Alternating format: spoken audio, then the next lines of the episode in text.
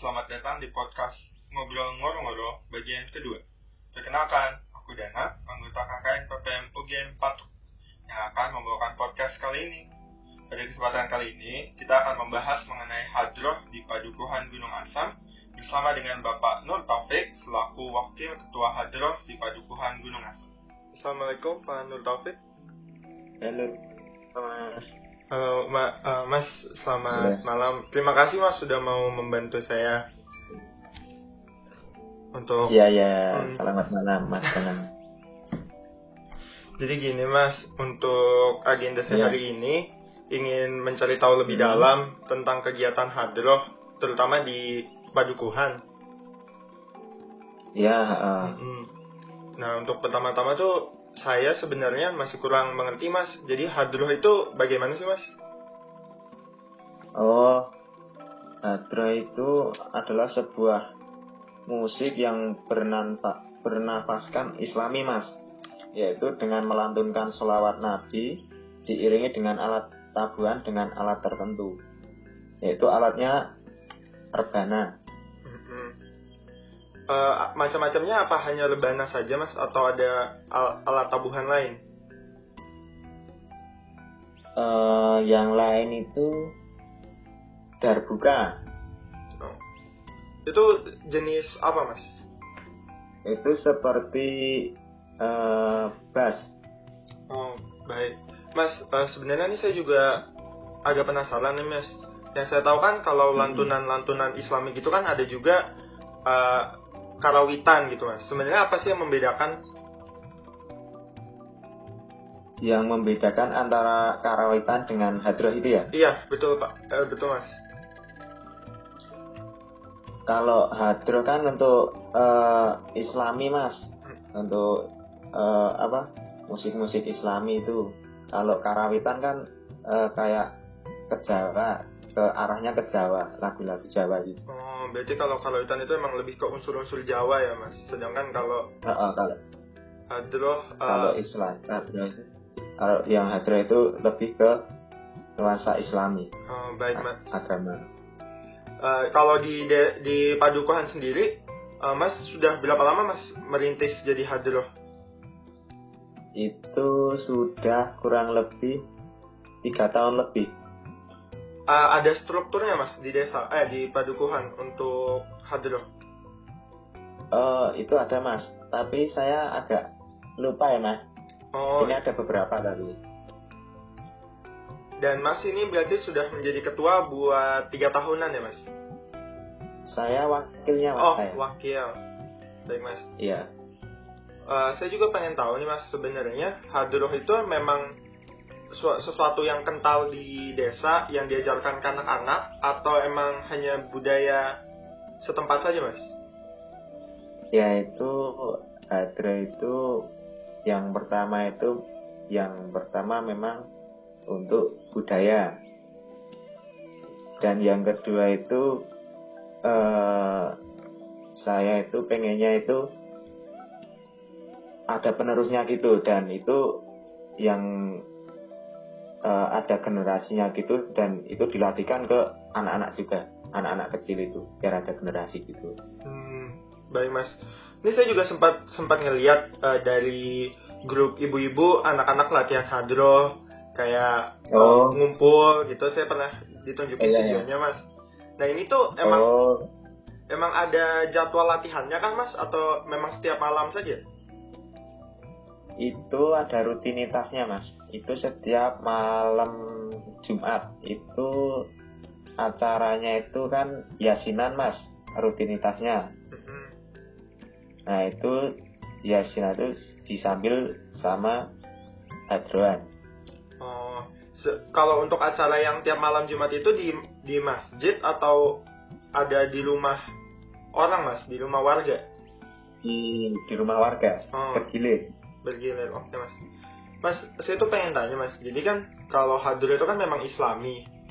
Dan Iya. lagu-lagunya itu kan memang lantunan Islam. Sebenarnya makna Mhm. dan filosofi hadroh tuh untuk apa sih mas? Apakah ini untuk eh, menyebarkan Islam atau gimana mas kira-kira sebenarnya? Kalau dari segi makna itu hadro itu terambil dari kata hadoro yuhdiru hadron hadrotan yang berarti kehadiran namun di dalam istilah kebanyakan orang hadroh ini diartikan sebagai irama yang dihasilkan oleh bunyi rebana mas Oh. Tujuan dari hadroh sendiri itu untuk apa, Mas? tujuannya itu untuk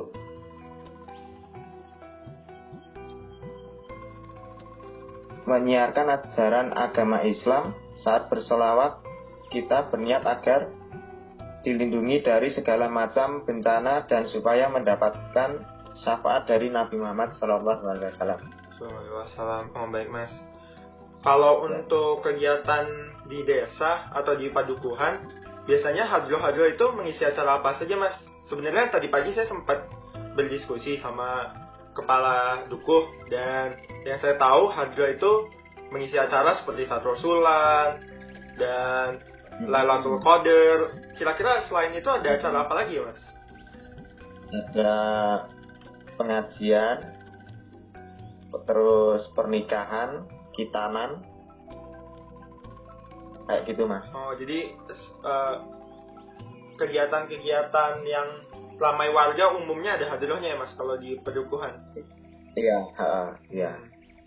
Untuk hadroh sendiri ini yang dilantunkan apakah ad- eh, apa apakah ini ada yang buatan dari grup hadroh padukuhan atau memang ada semacam playlistnya, Mas? Enggak, belum itu kalau itu belum belum ada itu mas. Oh, belum ada. Jadi, Mas, Masih untuk kalau Oh ya maaf. Untuk Gimana? melantunkan, jadi mas eh, biasanya dalam acara-acara itu melantunkan lagu-lagu apa mas? Maksudnya melantunkan apa mas? judulnya ya mas. Iya. Ya judulnya itu ya ayuhan nabi, subhanaman zikruhu, awahul kafi, hazal Quran dan lain-lain mas masih banyak lagi. Hmm. Itu memang lagu yang biasa dilantunkan ya mas. Ya, eh, Biasanya untuk lantunan lagu itu dalam satu acara bisa berapa lagu mas? Banyak mas mungkin sekitar 20-an lebih. 20 dalam satu acara ya. Ya, itu kan biasanya acaranya kan eh, kalau setiap malam Kamis itu sekitar jam 9 Hmm. sampai jam 12-an malam. Ini memang sesuatu yang masyarakat antusias di padukuhan sendiri ya mas. Iya, benar Mas. Hmm. Ini kaum tua sama kaum muda itu jadi satu. Oh, memang antusias mera- eh, masyarakat mengenai hadroh di Padukuhan itu tinggi ya mas.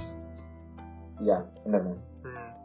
Eh, saya mau tahu mas, sebenarnya ini kalau dari Padukuhan atau dari desa Ngoro-Ngoro sendiri, itu hadrohnya memang sudah turun temurun atau ini kegiatan yang baru mas? Ini itu ke- kegiatan yang baru Mas yang ada di Dusun Gunung Asem. Hmm. Tapi ini kan ya juga belum baru tiga tahun ya Mas ini. Yang se ini yang di Dusun Gunung Asem itu adalah satu-satunya yang ada di Desa Ngororo. Hmm. Jadi eh, masyarakat desa itu hadrohnya semuanya dari hadroh dari kelompok Pak Taufik ya pak? Iya, Hmm. Dan sebenarnya kenapa sih Pak kayak ada keinginan itu untuk merintis hadroh? Ini kan memang suatu kegiatan yang baru Pak. Eh, awal mulanya bagaimana Pak? awal mulanya itu kan dulu itu eh, kaum orang tua-tua itu kan ada rutin anu ngajakin rutinitas rutinitas eh, yasinan itu mas Ya. dan itu kan dulu eh, ada bantuan dari desa itu alat hadro nah itu eh, kami itu ingin ngajak kaum kaum yang muda itu sama yang tua itu biar jadi satu gitu dan itu alatnya itu biar bermanfaat untuk di dusun dan untuk di desa juga. Berarti ini memang makna dari hadroh untuk desa sendiri tuh untuk menyatukan berbagai kalangan ya mas? Ya, ya benar mas. Baik, baik mas.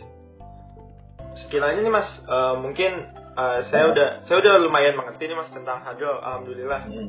Nah, sekiranya nih mas untuk ke depannya dari hadroh sendiri ada ada semacam rencana nggak sih mas atau kayak seperti mungkin tampil di luar desa atau kayak membuat acara acara-acara besar seperti uh, rasulan di desa atau semacamnya mas? Ada rencana nggak untuk di masa depan?